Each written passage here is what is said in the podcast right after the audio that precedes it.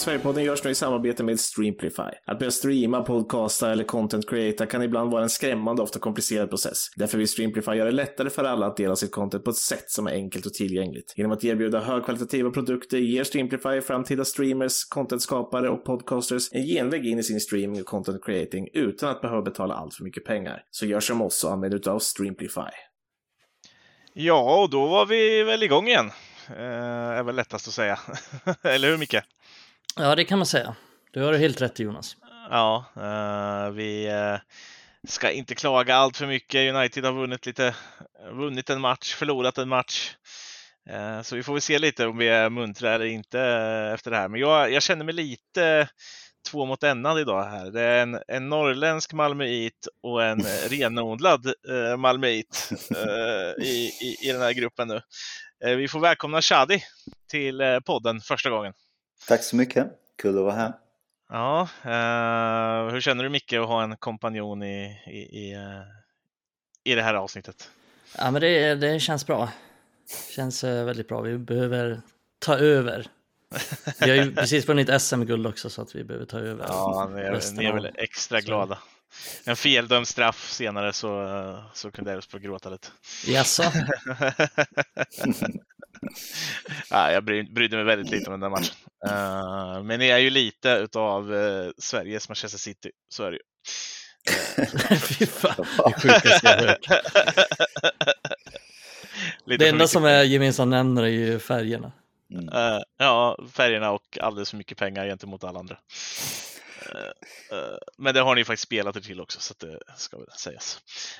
nej, men Shadi, du kan väl presentera dig själv lite. vad dina fotbollskunskaper ligger i och vart ditt United-intresse ligger i också. Mm.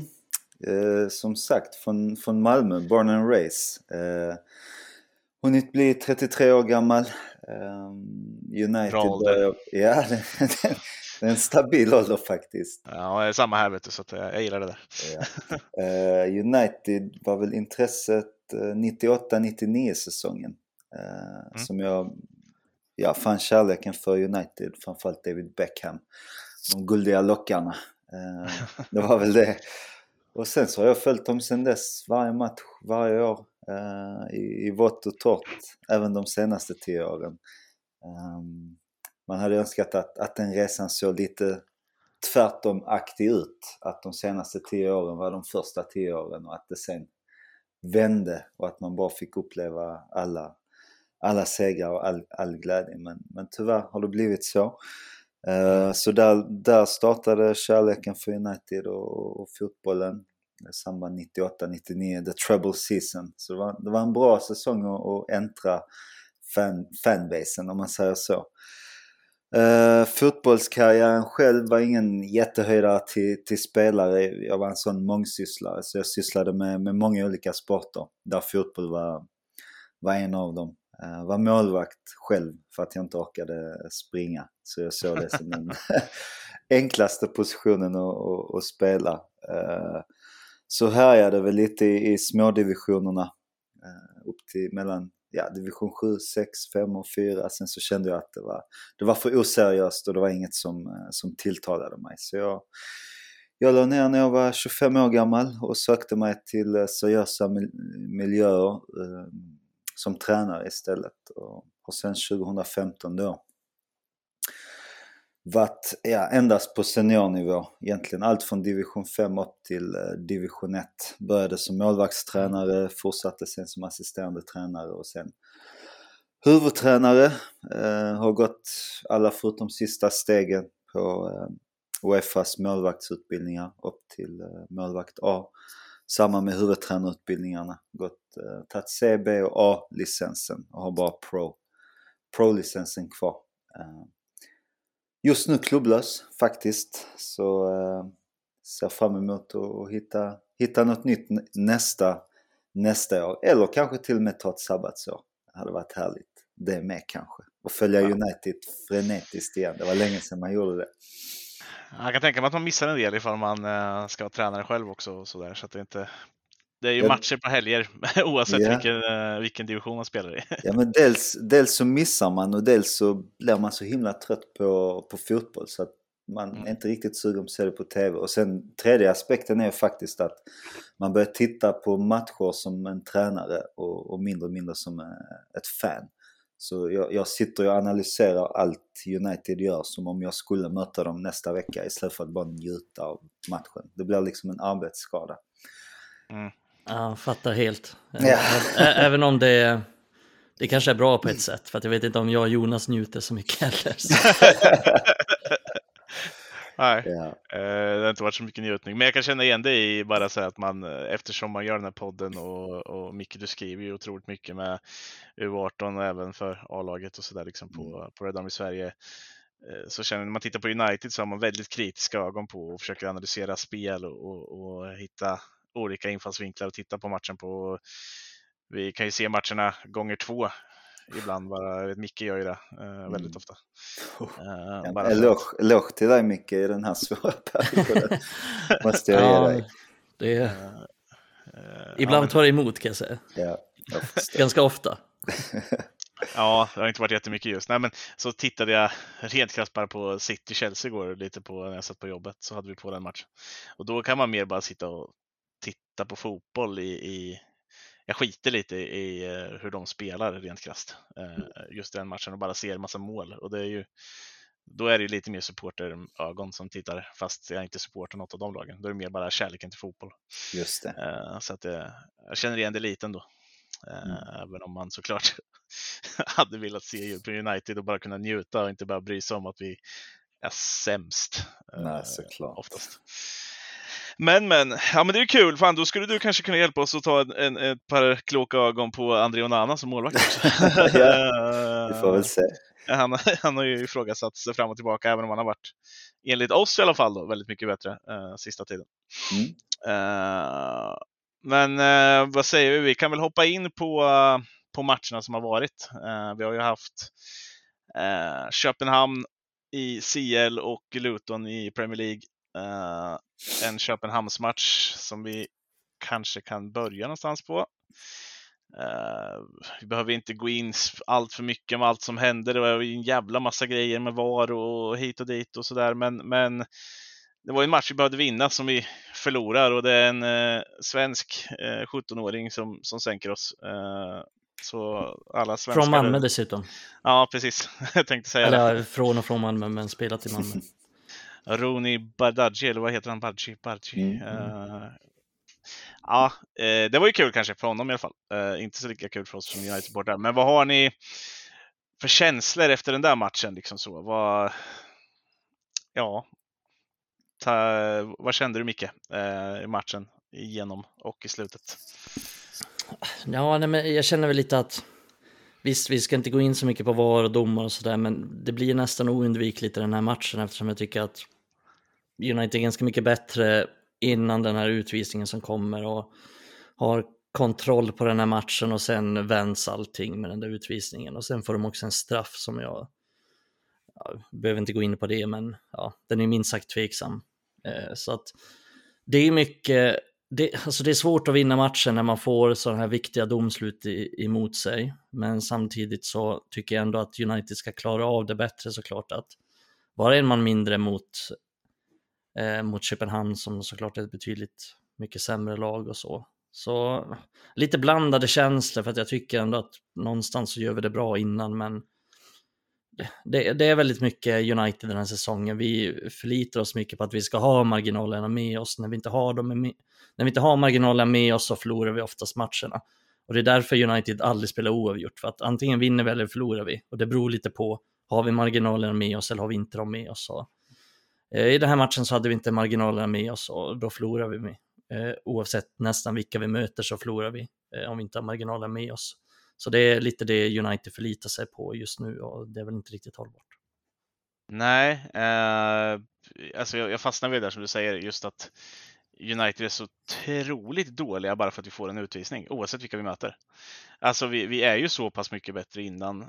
Eh, och, och jag tänker faktiskt vända mig direkt till dig Shadi. Vad, vad är, ser, såg du matchen eh, liksom med tränarögon där och vad fan är det som händer egentligen? Var- Varför blir vi så dåliga i United? För att det, Micke, du, du och jag har ju suttit och pratat om det här sju gånger eh, minst känns det som. Att vi blir så dåliga dels när vi bara vill försvara en ledning, men också när vi tappar en spelare. Det finns liksom inget kvar då och, och vi har inget spel innan, vi har inget spel då. Vad, vad, ja, mm. Känslor Shadi och har du något som du ser där som Nej, men det är klart det, det, är, det är en stor besvikelse att vi inte tar eh, sex poäng mot, mot Köpenhamn i, i denna Champions League-gruppen. Eh, det var ju på håret hemma på Old Trafford också, där med Onanas eh, straffräddning. Så att, mm. jag, jag, jag försöker inte bara titta på denna matchen isolerat utan ser man över hela säsongen så är det rätt så signifikativt Eh, det som händer oss just där. Jag tror inte det hade spelat någon roll vem vi hade mött. Eh, får vi den utvisningen så, så kommer det påverka oss i och med att vi är i ett sånt skört skede ehm, som lag.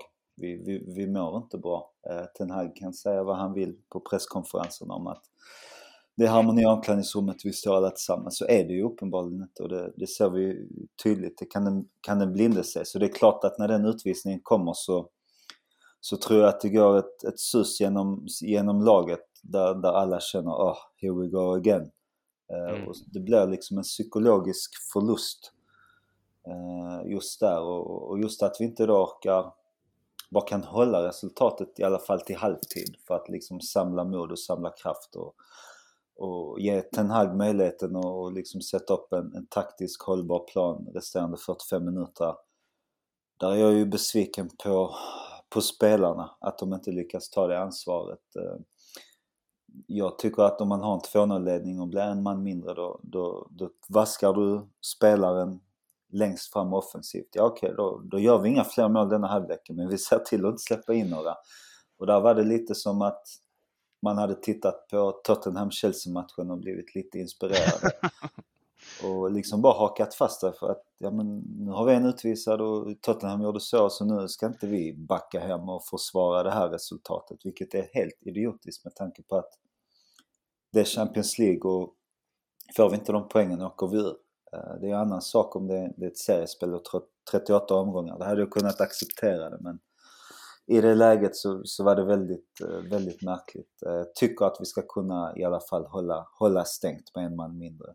Ja, precis. Och det är inte, det är inte någon viktig spel, alltså det är ingen viktig defensiv spelare som blir utvisad heller, så man kan inte skylla på det.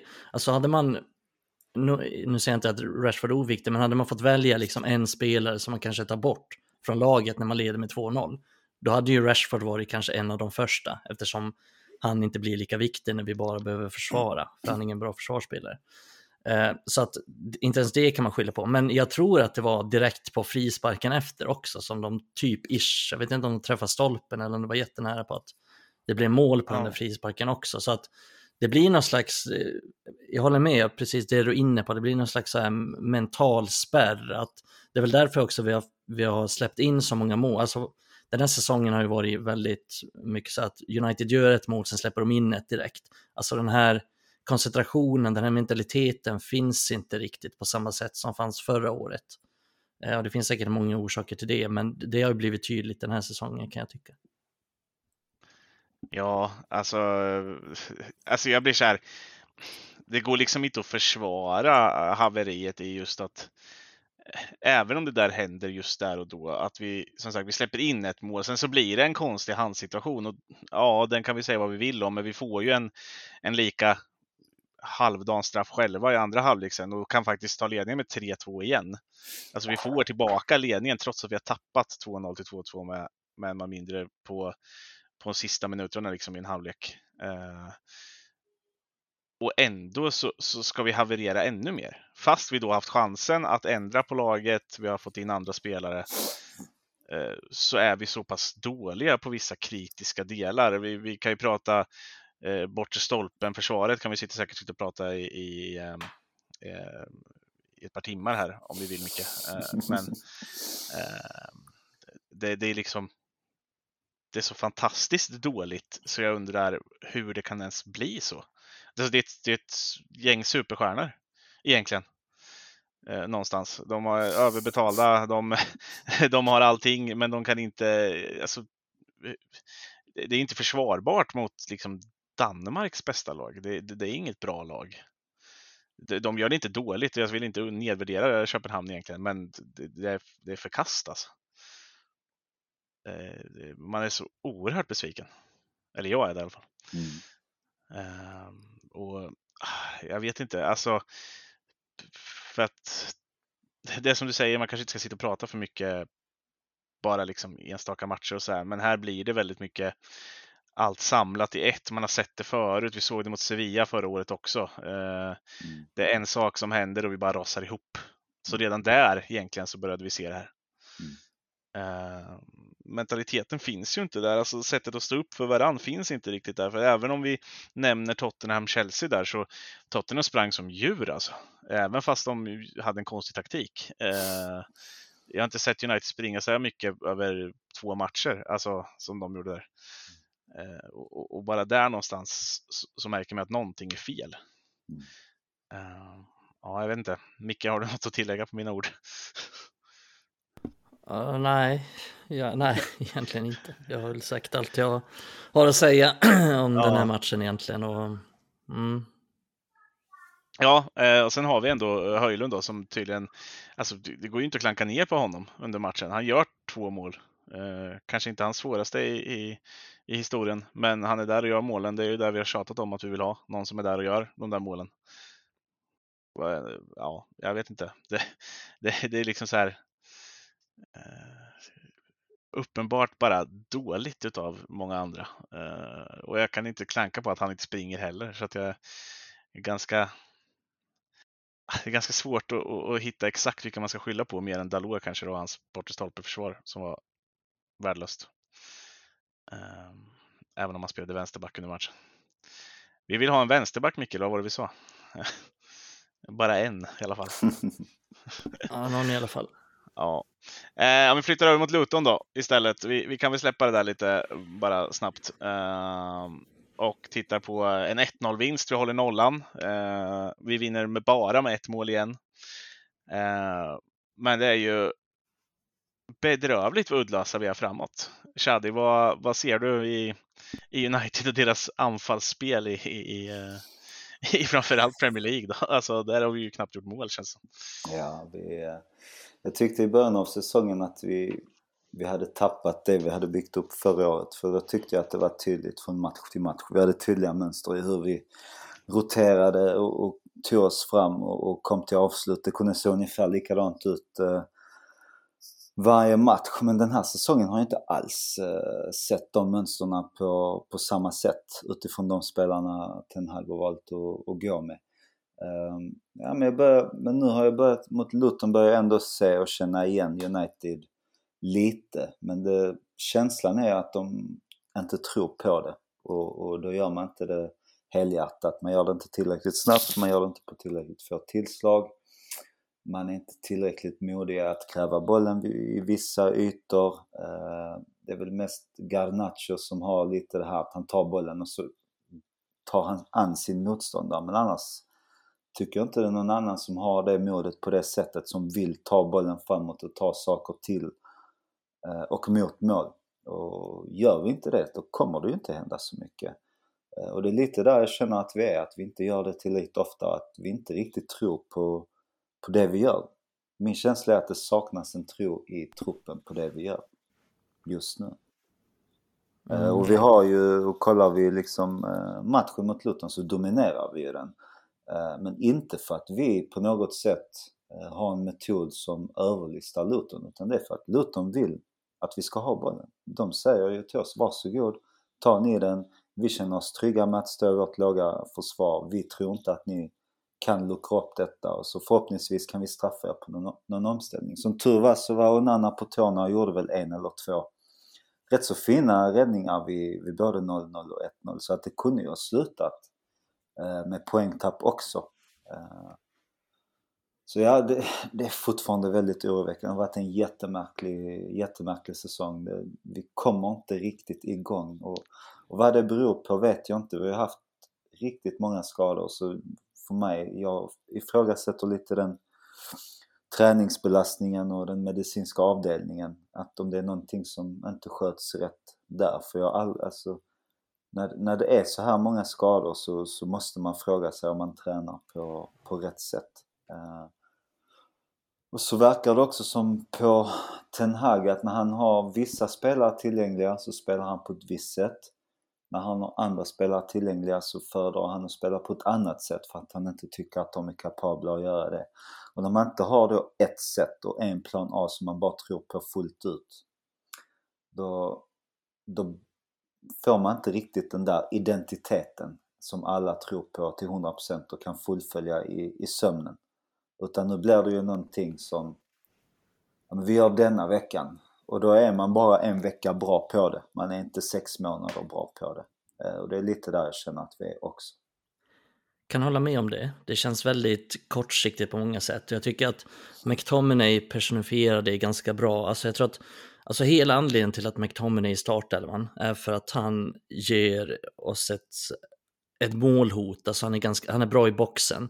Så här, men han kommer inte bidra till att vi bygger upp något bra grundspel eller att vi dominera mot motståndare eller att vi dominerar matchen på något sätt, utan han kommer ge oss att en boll dimper ner i straffområdet och så kan han göra ett mål. Det är det han kommer ge oss. Och det känns som att Ten Hag har, eh, alltså jag vet inte om han någonsin haft någon stabil, liksom tydlig spelidé. Alltså han har haft en tydligare spelidé. Men det känns som att han är ganska, precis som du säger, att han är ganska flexibel i hur han vill spela. Men nu känns det ännu mer som att han har bara gått in för att men nu ska vi bara vinna den här matchen, det spelar ingen roll hur det ser ut.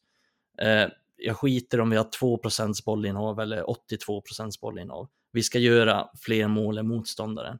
Och det tycker jag att McTominay blir en tydlig indikation på att, eh, när han spelar honom.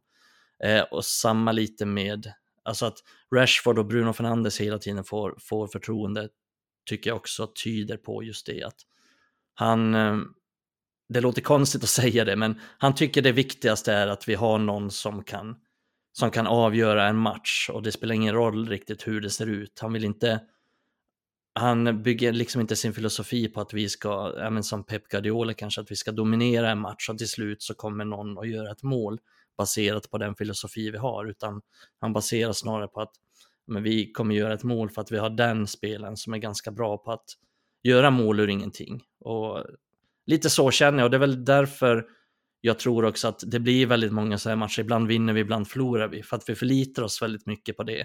Att en boll dimper ner där i rätt tidpunkt, att spelaren är just där, där och då. Alltså det är väldigt mycket slump. Det är inte någonting vi bygger upp till, utan vi förlitar oss på att ja, men, vi har en spelare som är bättre än deras spelare och när han kommer i duell mot honom så kommer han göra ett mål. Eh, så det blir lite, ja, men det blir lite som att spela roulette liksom, fast man har lite fler brickor på sitt spel än vad motståndarna har.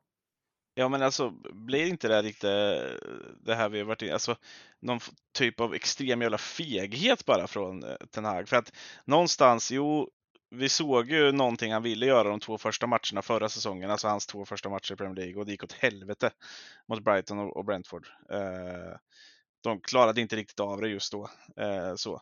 Men inte det meningen då att man fortsätter traggla med det där lite och eh, nu framförallt nu när han har värvat sin målvakt. Va? Det var ju mycket skit mot just de Gia och hans eh, fötter.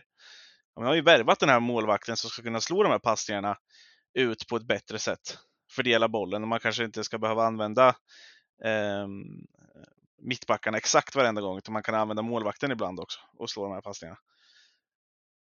Det, det känns ja, så. Ja.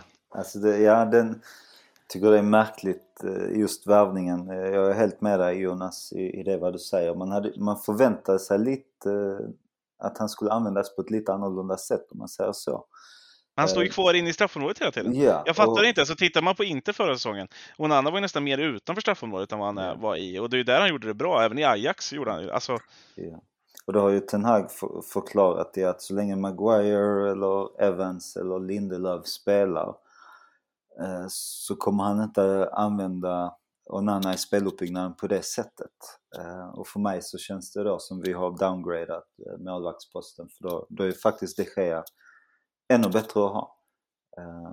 Ja, den är ju bättre linjemålvakt än vad Onana är helt uppenbart. Precis, så ja, det, det, är en stor besvikelse. Ja, det är märkligt alla sådana saker. Jag tycker, om vi, nu kommer vi in på Ten Hag igen, men alltså att han anpassar så mycket efter det han har. Jag tror att, jag fattar ju, det är uppenbart, han är väldigt rädd om sitt jobb, vilket jag fattar att han är. Eh, han behöver liksom hitta de här resultaten och på det så tummar han på olika spelidéer. Så han vill bara ha resultat. han skiter i hur det ser ut och han skiter i, han skiter i allting, bara liksom eh, vi kommer därifrån med tre poäng.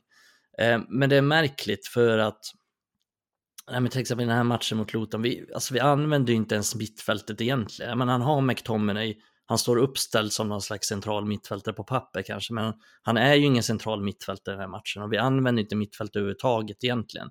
Vi spelar ju ganska rakt, vi spelar ganska långt och eh, ja, nej, men jag, jag, tycker det är märkligt att han liksom har övergett alla de där principerna. Med Onana blir det också jättemärkligt och att han inte kan göra det eller det med den spelen. Alltså jag förstår någonstans hur han tänker, men samtidigt tror jag ju att för att vi ska nå någonstans, för att Manchester United ska kunna nå någonstans så behöver vi sätta, lite som du var inne på tidigare där Charlie, vi behöver sätta ett spel. Vi behöver vara tydliga, vi, behöver, vi kan inte byta ut det från vecka till vecka för att då kommer vi aldrig nå någonstans. Vi behöver ändå sätta en tydlig grund och, oavsett vilka som spelar. Och det är det de bästa lagen gör. De har ju en trupp på 25 spelare, oavsett vilka de 25 spelar, så spelar de på ungefär samma sätt. Eh, och det är någonstans dit vi måste hitta tror jag. Mm. Alltså, och det, ja jag vet inte, vi, vi, vi har ju sagt att de behöver värva mer spelare, alltså så här att vi behöver få till en, en, en trupp alltså som är mer stabil. Men det känns ändå inte som att han använder sig. Alltså jag, jag, så här, som, jag, jag snackade om det innan, så här, ja, men, eh, ja, många klagade på Eriksen efter förra matchen mot Luton. Ja, vi satt här innan säsongen och sa att Eriksen, det finns inte många matcher han är rätt för nu. Eh, alltså så här, och, och Hannibal Meshpri, eh, alltså i all ära absolut, alltså det kanske inte är världens bästa fotbollsspelare än, men hans delar eller hans egenskaper passar ju bättre in att spela. Visst, Kobe Maino har varit skadad länge och sådär, men varför får han inte spela mot Luton nu när han är tillbaka? Han har spelat ett par matcher med laget. Han är ju en bet ett bättre val. För att han inte vågar. Det är ja, men han är ju feg. Alltså, är ju... ja. det, det, är ju det är liksom så här... och, och, vi pratar om Onana och de Gia och det här. Liksom så här, det, det, är bara fegt. Alltså, så här, jag, jag, jag kan ta att vi förlorar vissa matcher för att vi försöker spela fotboll. Om man hade sett att ja, men under de här fem månaderna har vi spelat det här spelet, det blir bättre. Alltså det var ju så, alltså, nu, nu går man in på Liverpool och sådana grejer, men med Klopp till exempel, det gick inte bra för honom i början, men han spelade sitt spel tills det satt där. Tills han hade en stomme som kunde spela det här spelet. Och sen så lyckades han hitta rätt pusselbitar. Det går ju inte om vi ska hålla på så här. Liksom. Så här ja, men mot City ska vi spela på det här jävla skitsättet. Och mot Luton ska vi försöka, ja men då ska vi ändra på det och spela så här. Eh, och, och, när vi ska gå ner och försvara, då ska vi ha ett Lindelöf som vänsterback. Jag har inte gjort ett rätt som vänsterback än så länge.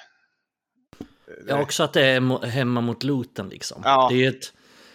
Alltså jag tror att nästan oavsett vad vi ställer upp med för spelare så tror jag att vi vinner den här matchen.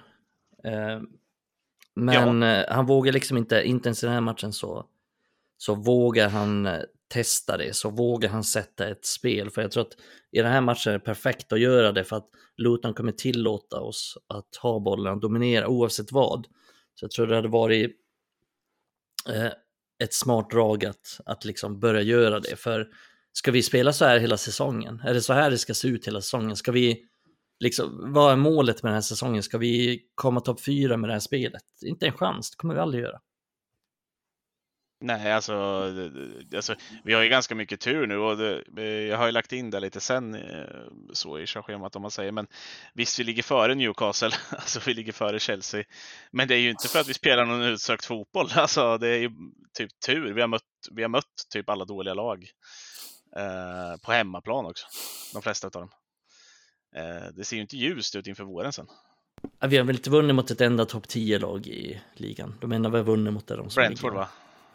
Ja, de, om de ligger kvar ja, där. De, de kanske ligger 10 eller något sånt. Ja. Men det, det, är väl liksom det enda laget vi har vunnit mot eh, som ligger ja. på, på den övre halvan. Annars, alla lag vi har vunnit mot är ju de som ligger på plats 10 och neråt. Och de vi har förlorat mot är de som ligger i toppen. Ja, och det handlar ju inte om att man kan, det är klart man kan få stryka Pep Guardiola City. Alltså där är inte United än, vi har inte truppen för att, att utmana dem totalt sett. Så här. Men i vissa matcher kan man göra det, absolut. Det har vi ju sett innan också. Eh, men det här som är nu, liksom, så här, vi är inte ens nära. Vi är inte nära Tottenham heller och de har haft Arns, eller vad fasen han nu heter, i, i eh, hur många månader då? Alltså, de har ju kommit längre med sitt spel. Och jag kan inte säga att jag tycker att de har en full, fullfjättrad bra trupp. Det är ju Mm. typ samma spelare, Mm. förutom att de blivit av med sin bästa spelare och tagit in några stycken. Mm. Men han, det, det, det är ju återigen kopplat till det vi varit inne på. Att han, han har sitt sätt, han är jävligt tydlig med hur det ska se ut och så spelar han oavsett vem i truppen som, som ställer upp och oavsett vilket lag de möter, oavsett om de spelar hemma eller borta. Och det är egentligen samma med De Serbi och, och, och Brighton. Det, det är det sättet, det är inget annat. Det är så här vi ska göra och vissa matcher kommer, kommer det kosta oss. Till exempel mot City borta, men i det långa loppet över 50 matcher, över 100 matcher så kommer vi få mer poäng än om vi anpassar oss under de här 100 matcherna. Och det gäller att det är den tron man måste ha. Som ni är inne på där, eller som du är inne på Mikael, så, så Ten Hag, han litar inte riktigt på de spelarna han har, har tillgängliga just nu. Uh, och ja, han var ju öppen med det på presskonferensen för någon vecka sedan att han kommer inte spela någon fotboll som han gjorde i Ajax. Uh, med det här spelarmaterialet går det inte, säger han. Så han har ju också ett lite fixerat mindset om jag ska jämföra med De Serbi i Brighton återigen som har Mm. Louis Dunk men Ja, Louis bygga upp Dunk, Adam spelet. Webster, alltså. Ja, och där gör han det och det är liksom bara nöta in det i träning så, så kan det ju absolut ge effekt. Visst, det kan kosta en eh, i vissa matcher men jag tror faktiskt att om man, om man är sann mot sin idé och, och, och vågar köra på med den så över en hel säsong så kommer det gynna en mer än vad det kommer kosta en. Ja, precis. Och det, om vi också tar den diskussionen så här, vad vill United vara? Vad är det, vart ska vi nå med Erik Ten Hag som tränare? Alltså ska vi vara plats 5 till 8? Ja, men då, då funkar säkert det här sättet. Men målet för Manchester United och Erik Ten Hag måste ju vara att vi på sikt åtminstone ska vinna ligan. Och då måste vi ha en, en tydlig idé, en tydlig grund. Och det är det jag inte fattar varför liksom han inte har satt. Och det är väl någonstans där jag är besviken på honom. Jag skulle inte säga att eh, liksom det är hans fel. Ja, men han tror på det här och det här, det här är den han är så att säga. Men då blir jag ju liksom konfunderad också att varför tog han över United överhuvudtaget? Alltså, Ja. min bild var väl att, att anledningen till att United tog in honom var ju att han ska spela, han ska göra så som han gjorde i Ajax, han ska spela så som han gjorde i Ajax. Eh, åtminstone nära på, så jag fattar inte riktigt vad det är som, vad som händer här. Nej, alltså och, och... Nu tappar jag nästan orden här för jag sitter fan och är förbannad. Men, eh, Ja, men annars hade vi kunnat ta in David Moyes som man bara ska slå raka bollar på Scott McTominay som ska göra mål när bollen dimper ner i straffområdet. Alltså det finns ju ingen Ja. mening med att vi har honom om, man inte ska spela på det här sättet. För att vi kommer inte heller eh, kunna utmana de bästa om vi inte har den här tydliga grunden. För alla de bästa lagen har det. Ja men alltså tittar man, eh, alltså nu jämför man ju mycket med andra, men liksom typ Guardiola, ja det är klart att han tweakar lite om han möter ett specifikt lag, men han går ju inte ut och ändrar hela sin grundtaktik. Alltså så här, han kanske sätter en viss spelare på en viss position för att det passar bättre mot eh, Vinny Junior i Real Madrid. Liksom. Ja, men jag spelar Kai Walker i den här matchen för att det kommer gynna oss. Eh, men i nästa match är Rico Lewis bättre. Alltså lite mer på den eh, nivån. Liksom. I United så ändrar vi ju för fan hela spelet och som du säger att ja, jag tror säkert att Ten Hags mål eller vilja är att vinna Premier League med United någon gång i framtiden. Eh, men frågan är ju om det är ett mål som finns högre upp. För jag är inte säker på att det finns det. Jag är inte säker på att det är uttalat att vi ska vinna Premier League igen. Ja, men alltså, det verkar inte som det. Det är ju Hey Barbariba, High Chaparral eh, liksom i hela klubben. Ja, det är svårt att säga, United har väl ingen riktig tydlighet där. Men det är också så, jag vet inte om jag, nu följer jag inte andra lag så här grundligt, så jag vet inte om. Arsenal har sagt det eller City sa det innan eller sådär. Jag vet inte om det sägs så här liksom uttalat ut till media så att säga, men Nej, det, alltså, det, det är väl ändå, ja, det det är ganska otydligt överlag vad United vill, så att det är ju, ligger väl någonting i det ändå. Ja, alltså, ja, eh, vi har ju någon punkt mer här i alla fall som jag eh, vill slänga upp på bordet. Vi har inte pratat så mycket om det. Jag vet att vi har skrivit rätt mycket i vår interna chatt. Det är något som vi har i, i Eh, för är också Chad i de i Sverige-redaktionen så att säga. Mm. Men det handlar ju ganska mycket om varann och det är väl lite Ten Hag i det här också, hans sätt att göra sig ja, ovän, eller vad man kan säga. Det, det, är inte säkert, det vet vi inte här, men Sancho vet vi att där är det ju eh, något form av eh, gräl. Eh, och eh, här har vi alltså Maguire, Lindelöf och Evans. En kille som var bänkad ungefär hela förra säsongen, eh, som i och för sig har gjort det väldigt bra nu. Uh, ska inte gnälla på Maguire när han faktiskt har varit helt okej. Okay. Uh, men vi har en, en pensionär och Victor Lindelöf som inte har rosat marknaden i år uh, kan jag tycka. Mm. Som går före Rafael Varan. Helt plötsligt, från ingenstans. är det bara, alltså, Ten Hag säger att det bara är på grund av konkurrens. och att han, det verkar som att han absolut inte vill spela egentligen Maguire och Varan ihop. Men är det verkligen bara det? Alltså, kommer man från ingenstans och bara peta varann på det sättet? Som jag kanske var vår viktigaste mittback förra året. Ja, ja alltså det, det är svårt att, att veta eh, just med Ten Hag. Ja, det... han, han håller korten nära, nära bröstet. Han, han ger inte ut så mycket på, på intervjuerna och man vet när han säger någonting så vet man inte om, om, om det stämmer. Um, men det, alltså det kan absolut vara så att han känner, eller att Varann har uttryckt att han inte är trygg med att spela med någon spelare eller vad det nu kan vara. Och då kan det ju vara så om man, om man, om man bara kollar på spelare för spelare, då, då är ju Varann bäst och ska spela. Men jag tror kanske att Ten Hag har tittat lite på bästa partnerskap. Vilket partnerskap är bäst? Och då kan det ju ha varit så att han anser att de två tillsammans är bättre än vilket annat eh, par som Varann är med. Så kan det ju faktiskt vara. Eh, mm. Och sen så pratar han ju själv inför Luton eller efter Luton om, om eh, själva speluppbyggnaden. Att om Harry Maguire ska spela så ska han spela från höger. Sen platsen till vänster är ju då mer öppen och där har han testat Varann och där tycker han inte alls att Varann kan spela i och med att han är högerfotad. Och för, för speluppbyggnadens skull så har han då valt att, att gå med det här partnerskapet och, och det kan mycket väl vara så. Um, kollar vi på Varans historik, eh, Real Madrid till exempel, så är det hur många matcher och mål som helst där han ger bort bollen i speluppbyggnaden. Eh, där Real Madrid släpper in bollen till exempel. Det, för mig har det alltid varit Varans stora akilleshäl, eh, spelet med bollen. Men å andra sidan så, så tar vi inte stora risker i spelet med bollen så jag kan heller inte förstå varför det skulle vara en risk att spela varann med tanke på hur vi spelar i år. Eh, då vi inte involverar mittfält och spelar mer längre passningar. Så att jag är väldigt kluven till hans eh, förklaringar. Jag både köper den men ändå inte med tanke på hur det faktiskt ser ut på, på planen. Mm. Eh, intressant faktiskt för att jag Eh, jag köper det du säger och det blir lite Ja, det blir extra märkligt så här, precis som du säger, när vi inte använder mittfältet ändå. Alltså vi slår ju ändå bara ganska enkla passningar. Det är inte så att Lindelöf slår så vågade passningar heller. Eh, men jag förstår vad, vad Ten Hag menar och jag, jag köper väl liksom hans förklaring där. För att Varann är inte bra med bollen och han hade ju ett ganska dåligt inhopp där just mot Köpenhamn när han kommer in och så slår han en boll i brösthöjd. Det var helt sjuk passning. Jag vet inte ja, det var vad som hände. Jag vet inte vad den är menad till heller faktiskt. Nej, nej alltså det var, han var ganska dålig i den matchen så att jag vet inte om Varann heller har det är inte så att han har gjort så mycket för att förtjäna att spela om man säger så. Jag köper också, jag tycker också att han är han är ju bättre än dem i grunden och sådär, men alltså, jag vet inte.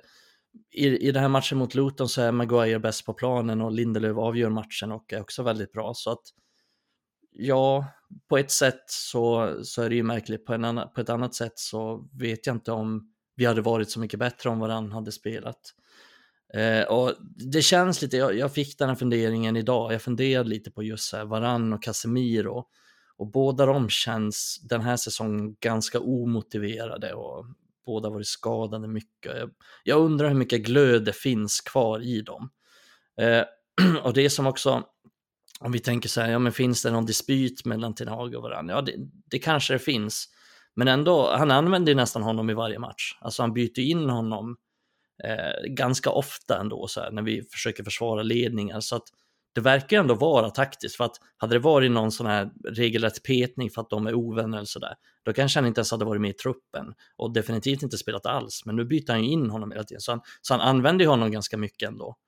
Eh, men det är bara det här att han tycker att men, varann funkar inte rent passningsmässigt. Och, eh, så ja, det, det är lite märkligt. Han, gör lite, han tar lite märkliga beslut till någon, kan jag känna den här säsongen. Och just det där att ja, men han är inte tillräckligt bra till vänster, inte tillräckligt bra passningsspelare. Ja, men vi använder ju inte passningsspelare så mycket heller. Så att, men samtidigt så sitter vi, alltså vi, vi ser ju 90 minuter eh, Eh, i veckan, kanske plus 90 minuter till. Vi, vi ser ju inte vad som händer på, på träningsplanen. Vi ser inte vad som händer på träningsanläggningen och det är så mycket som händer dag in och dag ut där som, som Ten Hag har information och, och eh, väljer ut laget utifrån som vi saknar.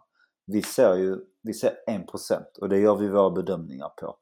Och sen så säger vi varför spelar den och varför spelar inte den? Men han har ju en hel vecka, flera timmar per dag med sina spelare där han får så mycket information.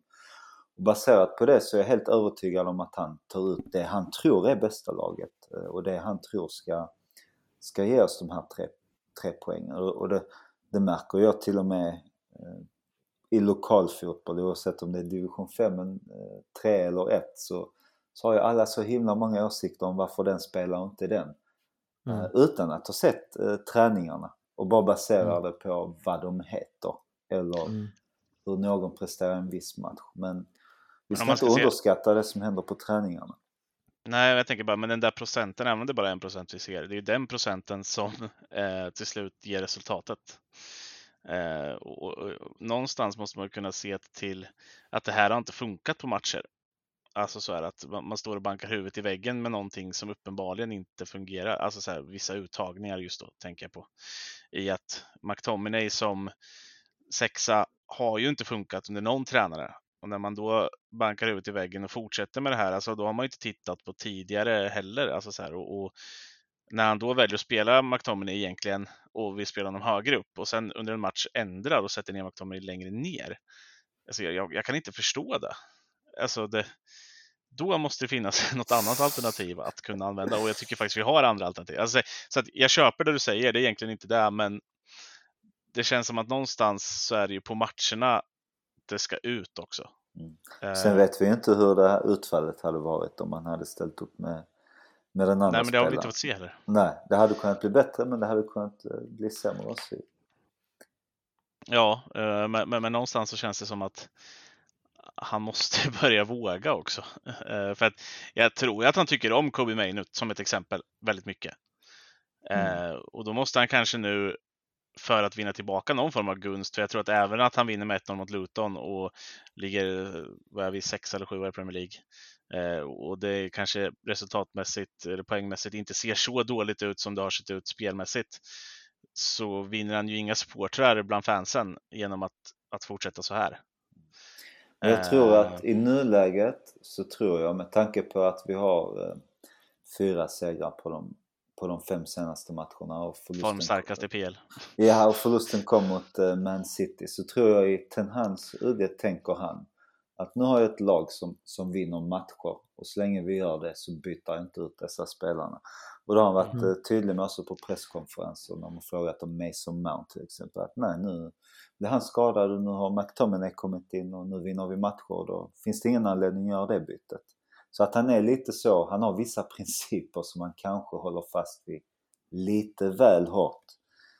Uh, så ja, alltså, det, det, känns som det är där vi är i nuläget. Ja, alltså jag hade ju inte klagat det. Alltså, vi pratar ju mycket om det att han, han ändrar taktiker och sådär och så. Och det är det som man klankar ner på honom mest för. Jag hade ju inte klankat ner på honom om man hade valt att spela en annan typ av spelare i en position för att det passar bättre mot motståndet. Det gör ju alla tränare. Mm. Eh, sen har man ju vissa spelare som kanske spelar hela tiden för att de är så pass bra eh, och man behöver dem jämt. Eh, lite som man kanske trodde att Rashford skulle vara. Nu har ju han varit totalt under isen och han kan ju tydligen inte göra mål längre. Eh, även fast han till och med, alltså jag vet inte, men han måste ju ha stått och piskat Anthony, men piskade det stod skjut inte, passa bollen typ eller någonting sånt där. För att jag, jag vet inte om någon såg den passningen komma till Rashford. när Anthony bryter in. Jag trodde det skulle komma ett skott mot bortre stolpen. Garanterat. Och så slår han en, ma en magnifik pass. Alltså man kan inte, alltså det är ju en skitbra pass av Anthony. Mm. Men Rashford tar emot bollen och sen så eh, missar han. alltså det är ett bedrövligt avslut också. Det, ja, jag vet inte. Men, Han drabbas av panik, han har inte gjort mål på länge så att det liksom, han hamnar lite där i stundens hetta. Är det nu jag ska bryta dödläget? Och så blir det liksom en stor grej av det. Jämfört med när man är i flowet så, är det, så gör, skjuter han den på ett tillslag förmodligen. Mm. Vi kan väl eh, ta det också, Micke, som jag vet inte vem det var i, i gruppen som, eh, som tog upp det, men, men eh, just det här att Rashford och Bruno faktiskt ligger tvåa respektive trea i antalet skott i Premier League. Eh, de har alltså skjutit så mycket. Eh, jag tror, var det Håland som hade skjutit mer bara? Och de har ju knappt gjort mål alltså. Rashford har gjort ett och Bruno två. Om jag inte minns fel. Och, och, och Ja, Bruno har gjort tre tror jag, men ett på straff. Så Ja. att i, i det öppna spelet så har han gjort två på, Ja. vad blir det, 30, 38 skott eller vad de nu hade. Jag kommer inte ihåg exakt, Ja. men det var någonting 36-38 skott. Och du hade ju ändå en, en bra analys på det här. Eh, Jag vet inte om du vill dra den? Ja, jag- nu minns jag inte riktigt vad jag skrev, men Uh, nej, jag kommer väl tillbaka till det här med att känslan är att Ten Hag bara är inne på alltså, själva produktiviteten nu. Alltså upp med Bruno, Rashford, Höjlund, McTominay. Jag hoppas att de ger den här lilla spetsen och uh, och det tror jag liksom är hela anledningen till att de spelar oavsett om de inte presterar så mycket. Uh, och jag förstår ju på något sätt varför, för att det är ju de här spelarna som, som producerar målen egentligen. Eh, I ligan liksom så är det ju Bruno Fernandes som har gjort flest poäng och Rashford eh, har gjort ja, lite poäng i alla fall. Och Det enda offensiva lite målet poäng. va? Men, men alltså det är ju bara de som har, som har stått för produktiviteten. Eh, och sen tänker jag så här rent taktiskt, alltså de skjuter ju mycket. Rashford skjuter extremt mycket och Bruno Fernandes skjuter mycket. Och det gör de hela tiden och det har de gjort oavsett vilken tränare de har. Eh, så att alla de här tränarna verkar ju tycka att det är okej att de gör det. För de får ju inga restriktioner där vad det verkar i alla fall. För att de skjuter i tid och otid och det spelar ingen roll om någon har ett bättre läge. De skjuter ändå och de kan skjuta, de tar helt hjärndöda skott. De tar sådana här skott som man brukar säga så här, alltså low XG shot, liksom att de tar skott ur positioner som det aldrig blir mål från egentligen. Eh, så att de tar inga bra beslut där och de, eh, Bruno Fernandes, det var någon, jag tror att det var nu mot Luton också, han liksom har en spelare fem centimeter ifrån sig, det är helt omöjligt att få igenom det skottet och dessutom är det en dålig position, ändå ska han skjuta. Mm. Eh, så att det tycker jag är ett problem, alltså rent spelmässigt, för att jag tror inte att det är heller liksom så här, även om Haaland skjuter mycket så tar han ju inte skott från 35 meter i bortre delen av liksom straffområdet, utan de skotten han tar är oftast från bättre positioner än vad våra spelare tar. Så att ja, vi, det är också, det förstör också tycker jag flowet i anfallsspelet, att det är svårt att bygga upp ett bra anfallsspel om någon tar skott hela tiden. Och jag kommer ihåg när jag spelade, även om jag inte spelade på någon så här superhög nivå, typ av division 3 nivå sådär, så det var ju det bästa man visste när man var det sämre laget. Om någon i motståndarlaget tar skott från 30 meter, för då vet man att ja, men vår målvakt kommer ta det här skottet oavsett. Eh, och i mest tro troligt så får vi typ en inspark av det och det går en massa tid. Så att det, jävligt, det var, jag minns att det var jävligt skönt varje gång någon tog ett distansskott för att det, det är så dåligt beslut och det resulterar ganska sällan i någonting. Eh, men jag, jag tror att de får ta de här skotten och jag tror det som jag var inne på innan att han är så inne, Ten Hag är så inne på att ja, men vi, vi ska göra ett mål. Vi har de här spelarna som kan producera ur ingenting och det kan de göra.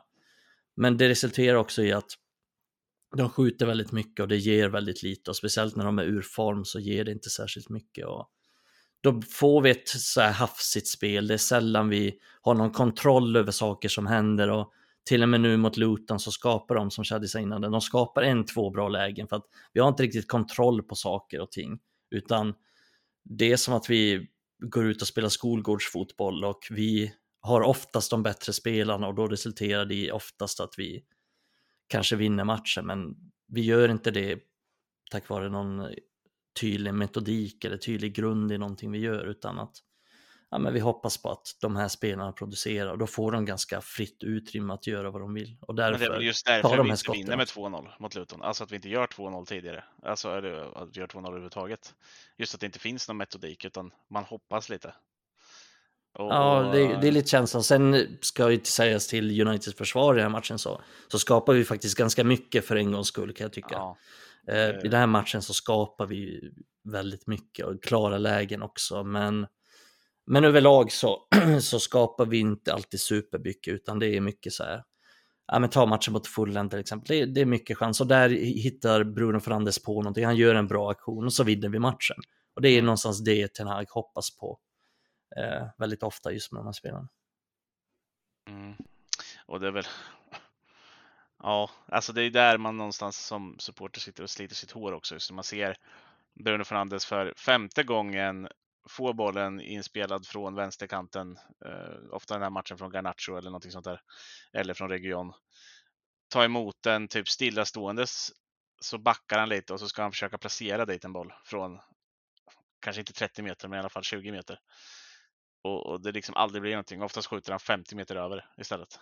Han är nästan högre över än vad, alltså han är två mål bort från era mål. Och, och, eh, ja, man, nu sitter jag här mycket känslomässigt, men jag blir väldigt irriterad bara. Uh, när man tänker på det. Att det kan, det kan funka så mycket bättre. Så här. Och vi ska inte behöva bli räddade av ett Dalot-skott i krysset jämt eller ett Bruno Fernandes mål. Uh, uh, det lät som att Dalot ofta gör mål här, men det gör han inte. Men alltså Bruno Fernandes som fintar bort någon och, och lyckas trä in den i första hörnet. Eller Eh, I det här fallet då en, en boll som bara landar helt perfekt för Lindelöf eh, så vi vinner med 1-0. Alltså, någon gång måste vi ju kunna liksom stänga en match också genom att, att göra tvåan eller trean. Problemet är väl att om vi har gjort två mål i, som i Champions League, då har vi varit helt bedrövliga bakåt sen istället och förlorat matchen ändå. Ehm, så, så visst, det är väl bra att vi håller nollan, men jag vet inte fan alltså vad man ska säga om det. Eh, har du något att tillägga där, Charlie? Nej. Nej, ingenting. ingenting. Nej, uh, mer än att det är såklart ett stort problem att Rashford och Bruno Alltså det, det, det, det är ju för dåligt att vi inte får ut mer mål av dem. Så. Ja, men Ten Hag eh, hoppas ju att de ska att det ska klicka i och, och gör det det så vet han att det är poäng på dem eh, varje match. Så han, han håller väl i den lilla strimma hopp, tror jag. Mm. Samtidigt som jag ser att ändå faktiskt, om vi ska se Rashford nu mot Luton, han sökte mer passningar när han väl var på högerkanten. Såg det ut som i alla fall. Mm. Än vad han har gjort innan. Uh, sen är han inte lika effektiv i dribblingar och sådär som han är från vänsterkanten. Uh, men samtidigt så erbjuder Garnacho någonting nu, lite ungdomligt liv som du säger. Han är ju faktiskt någon som tar bollen mot sin motståndare och slår honom ganska ofta också. Ja, men jag tycker bara Rashford ser ointresserad ut. Jag tycker han har ett fruktansvärt dåligt eh, kroppsspråk. Sen vet jag inte om det är att hans attityd är dålig, är dålig eller det bara är så han råkar se ut. Då, då är det ju ingenting man kan göra åt det. Men han har ett fruktansvärt kroppsspråk. Jag, jag har jättesvårt för det. Vad tycker du om Martial i så fall? ja, han, han, han, vet man att det är så han ser ut. Ja. Så, han, han, har ingen, ingen annan min. Men eh, Rashford är, nej. Mm. Känns inte som Rashford tycker det är kul att spela nej. längre. Liksom, det känns som att nästan han tappar suget helt.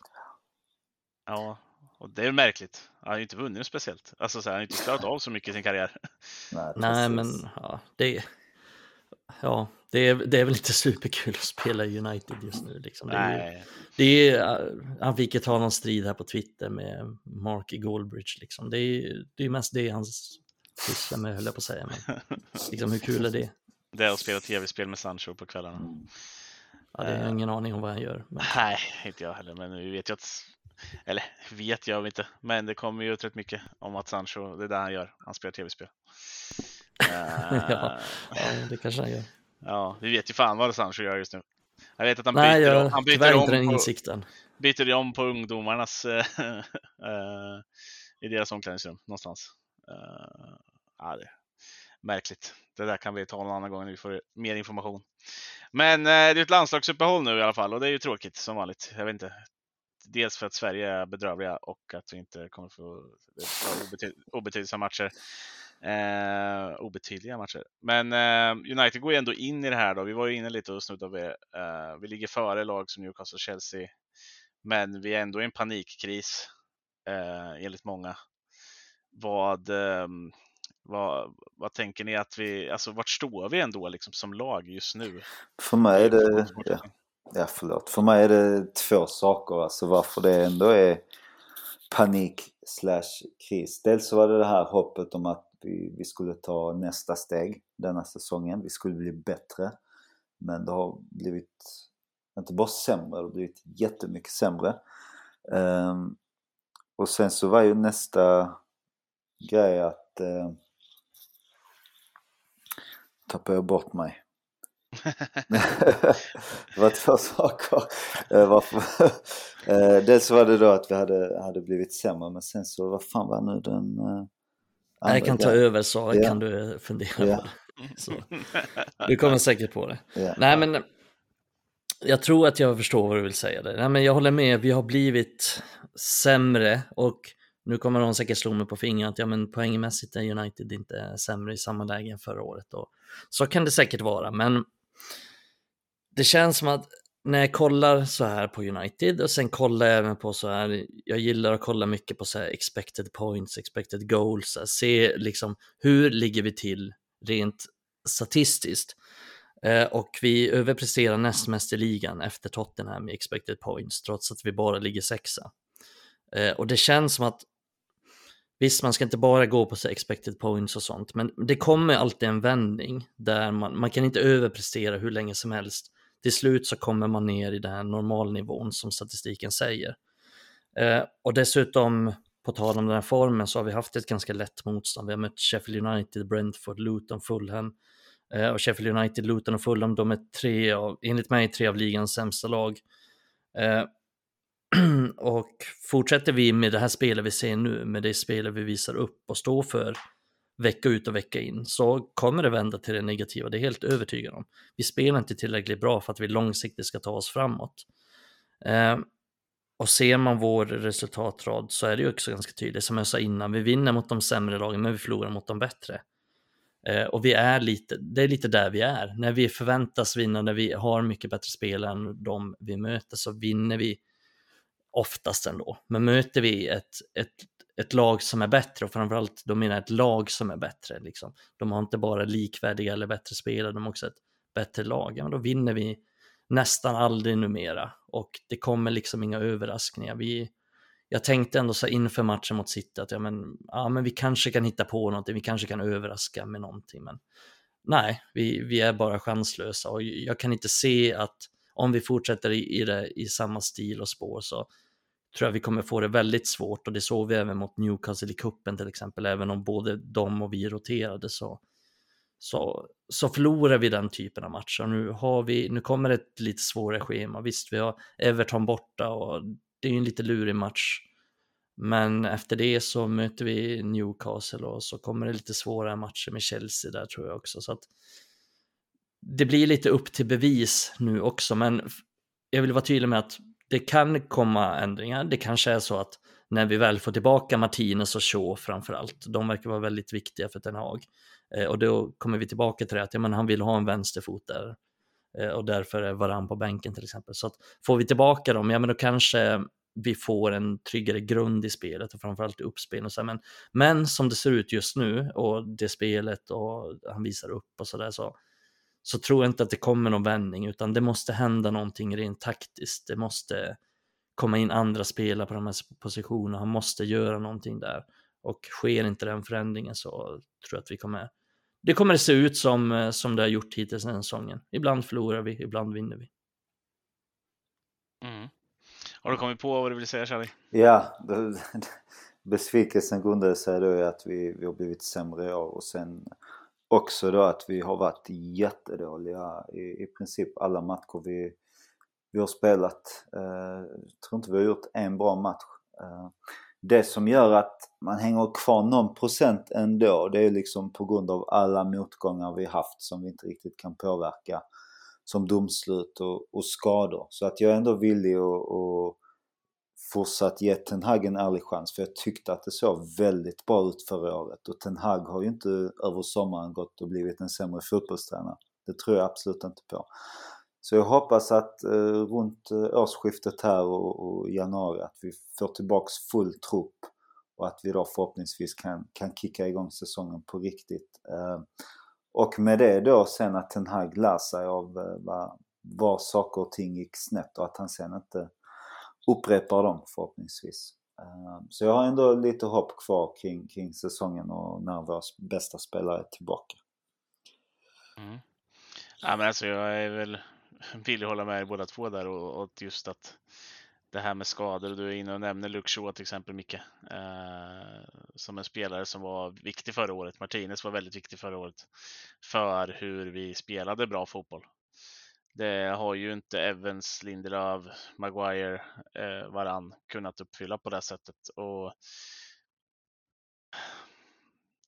Ja, alltså samtidigt, det andra laget har också de här problemen med skador och så här, vilket gör att jag kan inte köpa det fullt ut. Jag tycker fortfarande att det är för dåligt. Alltså att vi inte kan spela fortfarande ett spel som gör att vi åtminstone mot Sheffield United, Luton, de här lagen dominera på ett sätt som gör att vi kan alla kan hamna i en situation där man inte gör mål som mot Luton. Vi dominerar matchen ganska mycket. Vi har ganska många bra lägen och absolut hade det varit en match som stack ut i mängden.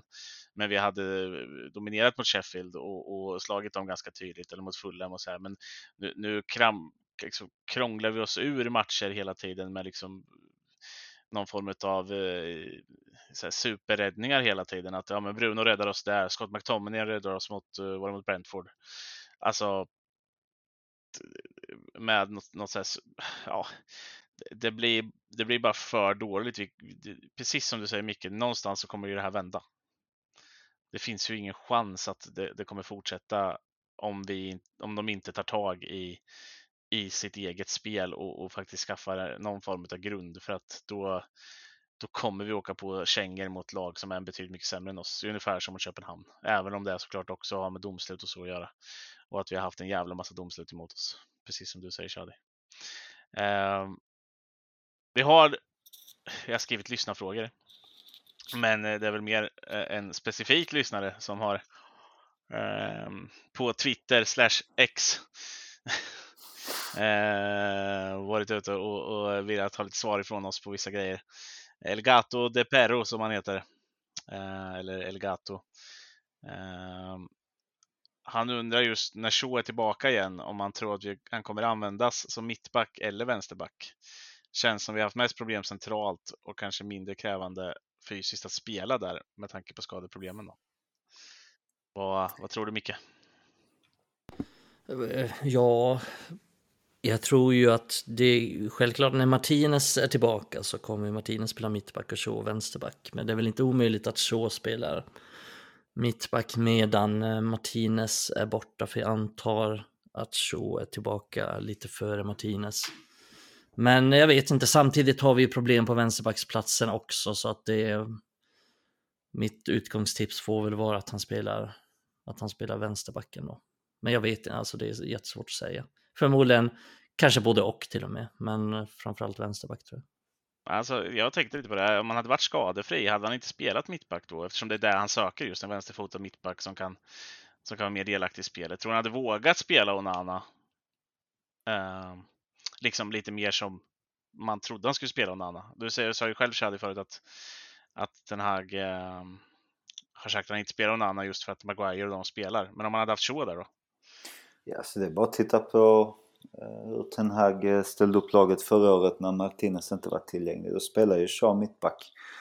Så jag är helt övertygad om att Shaw kommer att spela mittback så länge Martinez inte är tillgänglig och vi inte riktigt får ett stabilt partnerskap eh, i, i, Evans, Maguire, Lindelöf. Då kommer Shaw spela mittback för att då har jag själv som tränare insett att, att ha en vänsterfot där gör jävligt eh, mycket i, i just hur du kan ta fram bollen och få får fler vinklar och fler passningsalternativ. Det är faktiskt en jättestor skillnad att ha en vänster, vänsterfotad där och det är svårare för motståndare också att, att försvara. Eh, så jämför man mittbacksposition med vänsterbackspositionen så är mittbacks vänsterfotad mittback viktigare än en vänsterfotad ytterback. Mm. Och det eh, har Ten Hag stenkoll på. Ja, han känns ju... Fan själv var ju lite samma sak också. Eh, det kanske är väldigt mycket förhållanden också. Nej, men det är, en, det är en trend nu också såklart. Eh, och där har vi väl kanske det enkla svaret på varför eh, Maguire och Evans, för Evans har en bra vänsterfot, varför Evans spelar på den positionen istället för varann till exempel. Så att, ja, men det, det, är väl därför. Nej, men jag har inte så mycket att tillägga. Jag tror väl också att han kommer spela både mittback och ytterback som sagt. Så det är, jag tror att det blir viktigt att få tillbaka honom för att han är så bra på han är så mångsidig också, han är så bra på att ta fram bollen, men han, ju, han bidrar ju också med jättemycket andra saker. Alltså att han kan hantera att bli pressad, alltså spela sig ur pressade situationer. Oavsett om man spelar mittback eller vänsterback. Han är bra i luften. Han är, han är ganska bra en mot en. Han är, en sak som United har haft stora problem med den här säsongen är att försvara omställningar, liksom, som ni fotbollstränare kallar rest defense. Och, där är ju han också väldigt bra i att försvara omställningar och han är brytningssäker och snabb och bra i duellspelet. Så att vi har ju saknat väldigt mycket när Shaw har varit borta så att det blir extremt viktigt att få tillbaka honom. Och även Martinez som också är bra på just de sakerna, att han är, kan stöta upp och bryta och bra passningsfot. Så, här, så att, Även väldigt otur att det är just de. visade förbättringar på i slutet av förra året kan jag tycka. Mm. Alltså, här, han hade ändå en ganska bra utvecklingskurva uh, ute på vänsterbacken. Uh, ja, tyvärr är han ganska mycket sämre än vad Shaw är. Men jo, absolut. Men, men uh, jag tänker om vi inte får tillbaka Martinez, men kan få tillbaka... Det är helt sjukt. Alltså, vi har inte sett Malaysia en minut i år, inte ens på försäsongen. och jag är fortfarande lite oklar med vad fan som har hänt med honom exakt. Jag tycker det var väldigt dålig information rörande honom. Eh. Men ja, Eh, Amrabat då? Det vi har sett hittills. Eh, tror ni att vi kommer utnyttja optionen och köpa honom permanent som det ser ut just nu? Det är svårt att göra en bedömning tycker jag. Alltså för, som en ny spelare kom in i ett, i ett lag som är dysfunktionellt och inte fungerar. Eh, så det är extremt svårt att komma in och, och, och, vara bra i, i den gruppen. Vi såg Bruno göra det för några år sedan men han är en han är en väldigt unik spelare. Um, hade Amrabat gå in, gått in i Arsenal eller Man City detta året så hade han ju levererat betydligt bättre än vad han har gjort nu i, i United. Uh, men oavsett hur bra vi är och hur bra Amrabat kan vara så tror jag han i sin höjd kan vara en, en truppspelare i ett United som Eh, siktar på att försöka vinna Premier League. Eh, men en bra truppspelare för att det, är en härlig kille att slänga in om man behöver, behöver rotera. Väldigt hängiven, trygg med bollen. Eh, men har, har tyvärr inte visat upp sin, sin bästa sida hos oss än. Jag tycker det är väldigt bra sammanfattat faktiskt. Det, det är ungefär så jag skulle sammanfatta det, fast du gjorde det lite bättre. Eh, jag har inte riktigt heller bestämt mig om han är värd att satsa på för att jag tycker det är för, lite un, för litet underlag ännu för att säga någonting tydligt just för de anledningarna. Att jag tror att det är svårt att komma in i det här United, speciellt som nyspelare. Sen får vi inte glömma, han har inte heller haft någon försäsong direkt. Han har varit skadad på försäsongen, varit skadad länge under sommaren och en bit in på hösten. Så att han har inte heller fått någon tydlig rytm i det hela. Så att jag vet inte riktigt, det är väl den enkla frågan. Men jag tror att så här, jag gillar hans egenskaper i grunden. Så jag gillar spelartypen och de egenskaperna han har. Och jag tror att han kan bidra. Men jag tror inte att han blir någon sån som går in liksom och tar ett eh, United till ligatiteln. Alltså att han tar den ordinarie platsen och blir en nyckelspelare. Utan jag tror precis som Shadi att han, han skulle vara en bra rotationsspelare tror jag för många lag. Alltså till och med för typ så här Arsenal och, och City. Så här, även om de inte riktigt behöver honom så tror jag att han skulle vara en, en klok spelare för många av de bästa lagen faktiskt. Mm. En, eh, sen har han väl inte, alltså, jag, jag, tänkte att han kanske skulle vara lite bättre i passningsspelet än vad han har varit. Alltså missat, uh, varit ganska mycket sämre där i alla fall än vad jag eh, hade förväntat mig och vad man hade hört och sett innan. Uh, han springer mycket och har ett hjärta i alla fall, liksom så. Det, det, kan man ju se och att han, han kämpar hela tiden och, och sådär. Men, men det har vi andra spelare som kan göra med. Uh, så nej, jag är inte heller övertygad uh, om jag ska säga mitt. Jag har en, en grej kvar, om inte Micke vill fråga på, vet du vad, eller vill svara på vad, om du vet vad Donny van de Beek håller på med nu för tiden? Nej, det har jag inte koll på. Det är länge sedan jag snackade med Donny nu. Jag ska ta och ringa upp honom och höra. Ja, herregud alltså. Hur fan läget är med honom. Jag undrar om han har sparkat sin agent än, för det måste fan vara den sämsta i, i, i världshistorien. Om Erik Maxim Choupo-Moting har den bästa så, så har Donny inte kopierat hans, eh, eh, eller tagit hans agent i alla fall. Eh, han skulle behöva det.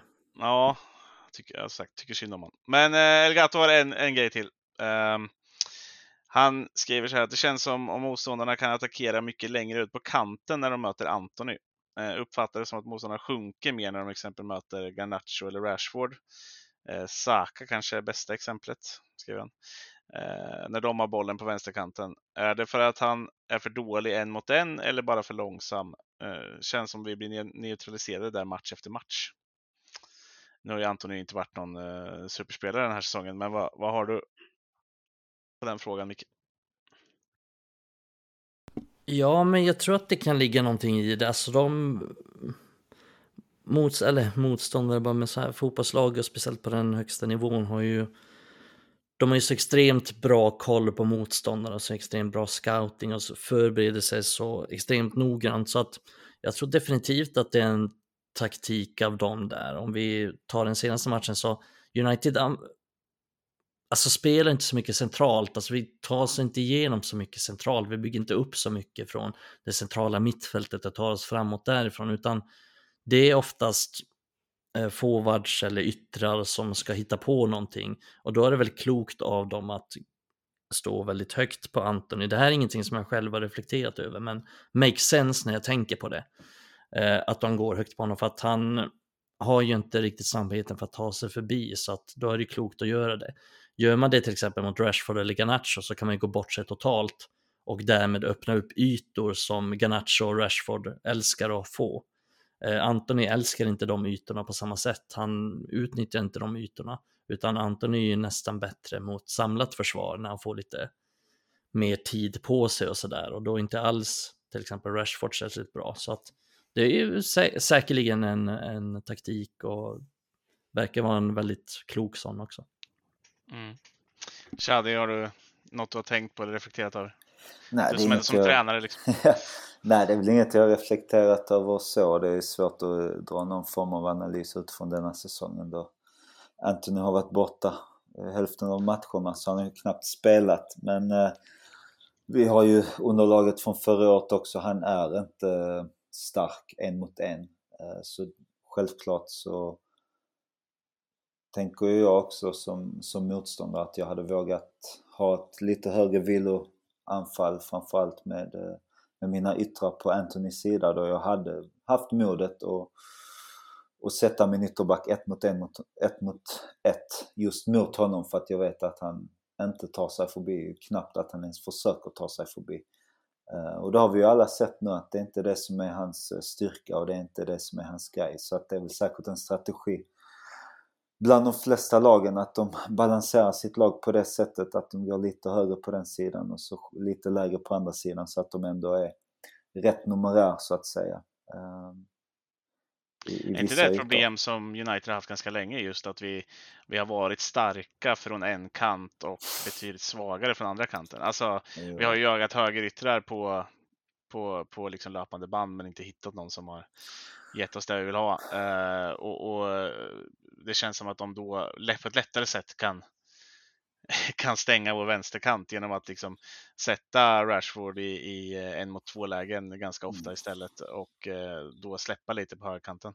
Nu, nu tyckte jag man, man liksom förra säsongen ändå kom runt det ganska bra och, och lyckades skapa en del. Bruno flyttade ut mycket till höger till exempel, mm. Eh, vilket gjorde att vi fick en numerär där ändå.